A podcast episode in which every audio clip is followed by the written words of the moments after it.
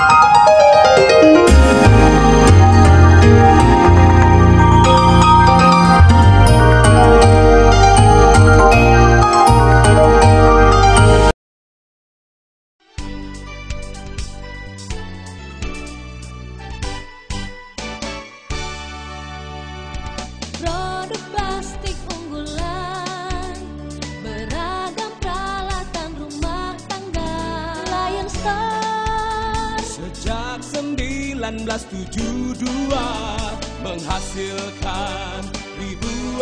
produk inovatif Kualitas unggul, kualitas bintang, kualitas Lion Star Temukan produk plastik Lion Star di 130 negara terkemuka di dunia.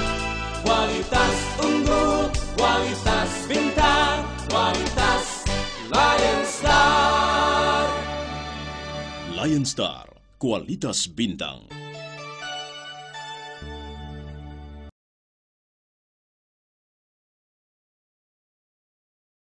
Kami beri kesempatan kepada Pak Wahyudi Wibowo, Magister Manajemen PhD. Uh, beliau memaparkan tentang uh, sudahkah program JPK JKP ini dapat menjawab permasalahan sosial dari fleksibilitas kerja ini. Silakan Pak Wahyudi. Uh, kita coba berbagi waktu saja karena Cimbul tadi sudah memakan waktu hampir satu jam. Jadi mungkin 10 sampai 15 menit maksimal Pak Wahyudi ya. Silakan Pak. Ya baik, eh, terima kasih Pak Bung German ya. Terima kasih Bapak Ibu sekalian, para narasumber, eh, para senior dan Bapak Ibu sekalian yang hadir pada kesempatan pada eh, sore hari ini. Assalamualaikum warahmatullahi wabarakatuh. Salam sejahtera bagi kita semua. Pada kesempatan yang baik ini, eh, mari kita pakai untuk kita eh, bisa uh, mendiskusikan beberapa hal terkait dengan implementasi JKP. Dan Bapak Ibu sekalian, saya diberi tugas dari kawan-kawan untuk uh, bicara soal uh, kaitan JKP ini dengan uh, uh, fleksibilitas pasar tenaga kerja. Dan saya kira lebih tepat lagi kalau kita kontekskan itu uh, dalam kaitan uh, konsep pembangunan berkelanjutan yang saat ini juga pemerintah uh, dan Presiden uh, Jokowi uh, sedang uh, gencar begitu untuk uh, menjalankannya sebagai masa pembangunan kita. Bapak Ibu sekalian, saya terima kasih karena selaku akademisi di perguruan tinggi maupun sebagai pengamat uh, jaminan sosial di Surabaya, Jawa Timur diberikan kesempatan untuk menyampaikan uh, beberapa pikiran. Nah, uh, Bapak Ibu sekalian, saya akan mulai dari uh, titik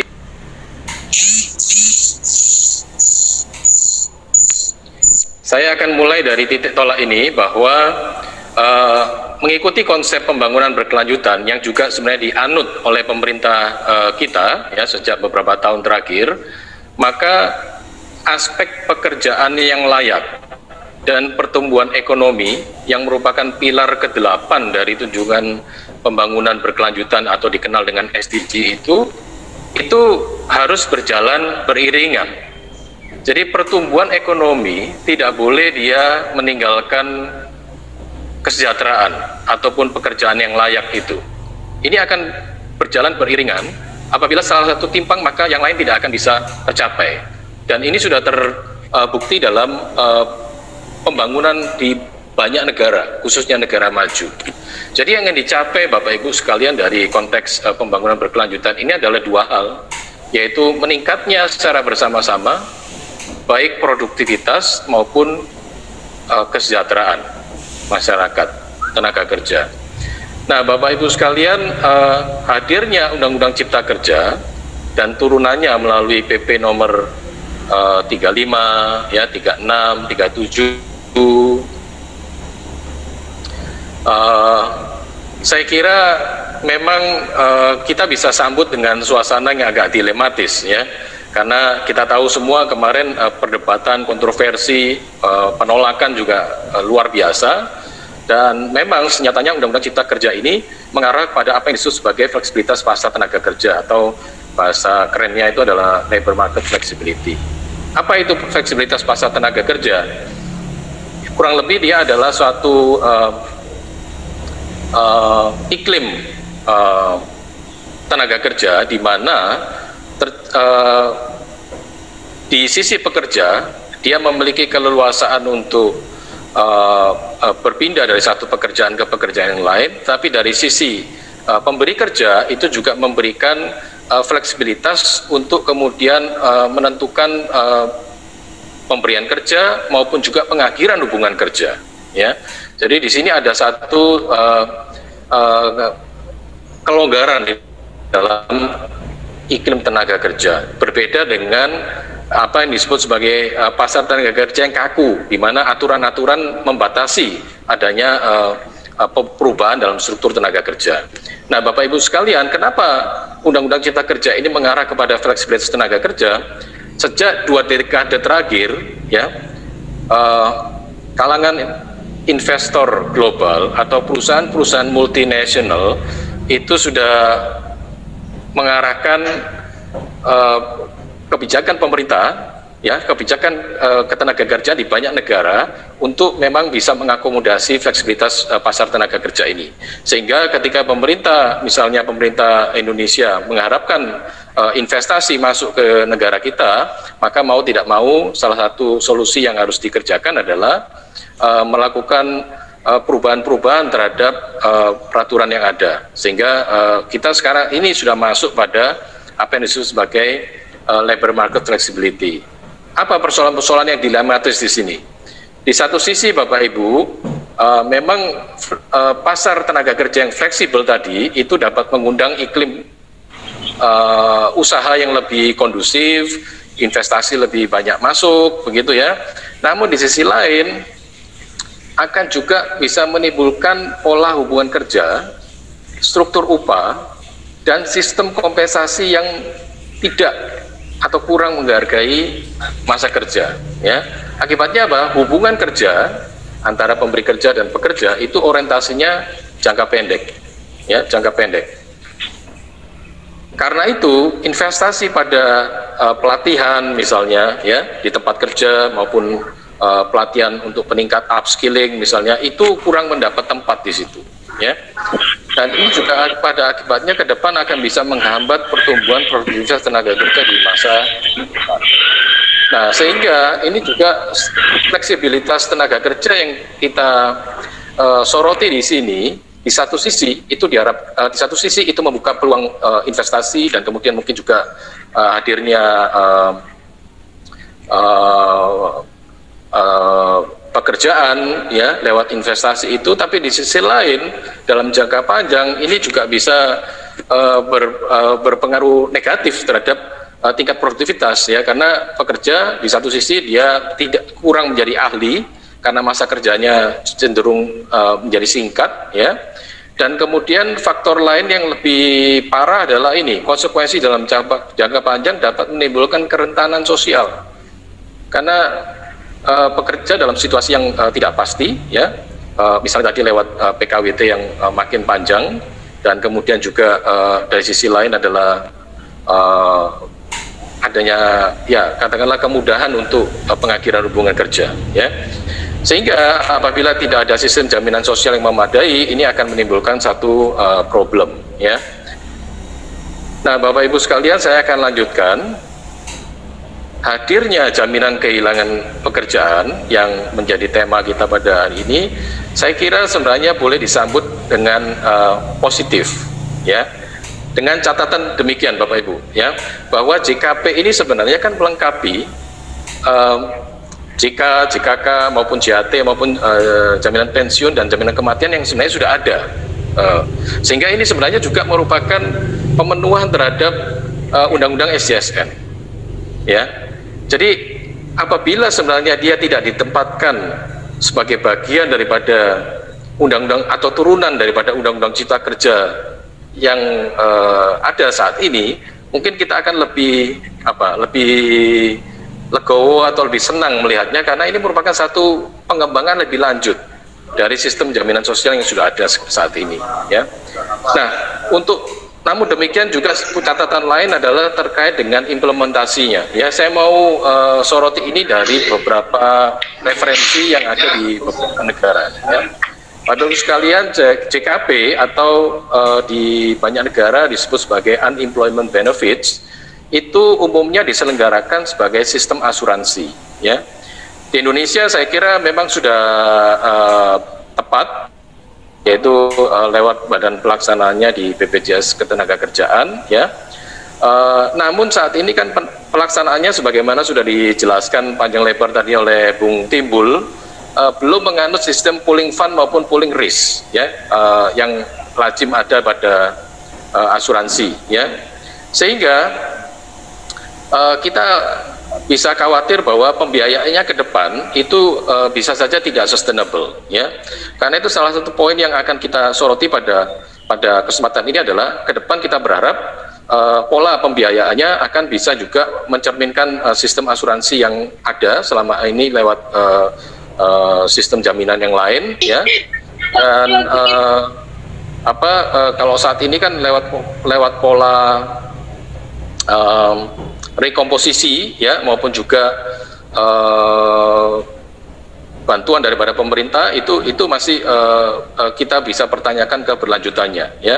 Bapak Ibu di banyak negara uh, pelaksanaan sistem uh, unemployment benefit ini diselenggarakan lewat partisipasi uh, iuran pengusaha, iuran pemberi kerja maupun juga dari uh, pemberi pajak, uh, pembayar pajak ya. Jadi lewat pemerintah itu diberikan. Nah, itu akan memperkokoh uh, berlangsungnya uh, JKP ke depan ya.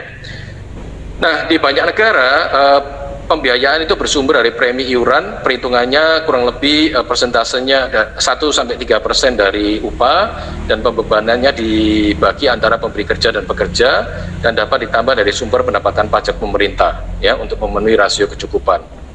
Kemudian sebagian besar e, negara itu menghitung unemployment benefit sebagai persentase dari pendapatan terakhir. E, kurang lebih sama dengan yang e, tadi dipaparkan. Namun e, di banyak negara maju misalnya e, persentasenya mencapai 50 sampai dengan 65 persen. Ya, bahkan beberapa negara menawarkan persentase yang lebih tinggi. Di Belanda itu 75 persen, e, Luxembourg 80 persen, Denmark 90 persen. Ya.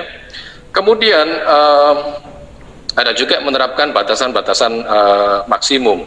Bahkan di Prancis itu uh, sampai dengan 200 lebih persen, ya. Seperti itu di banyak negara uh, maju, ya. Uh, kita masih pada tahapan 45 persen tadi, dan kemudian tiga bulan uh, berikutnya menjadi 25 persen.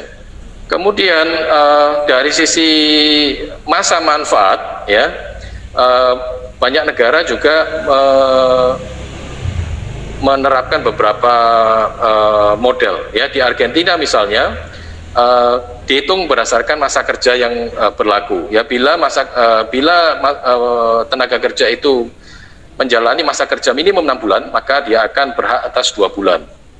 Sementara bila uh, dia minimum uh, 36 bulan atau tiga tahun ya maka dia akan berhak atas tahun penuh ya dengan tambahan enam bulan kalau dia sudah mencapai usia 45 uh, tahun.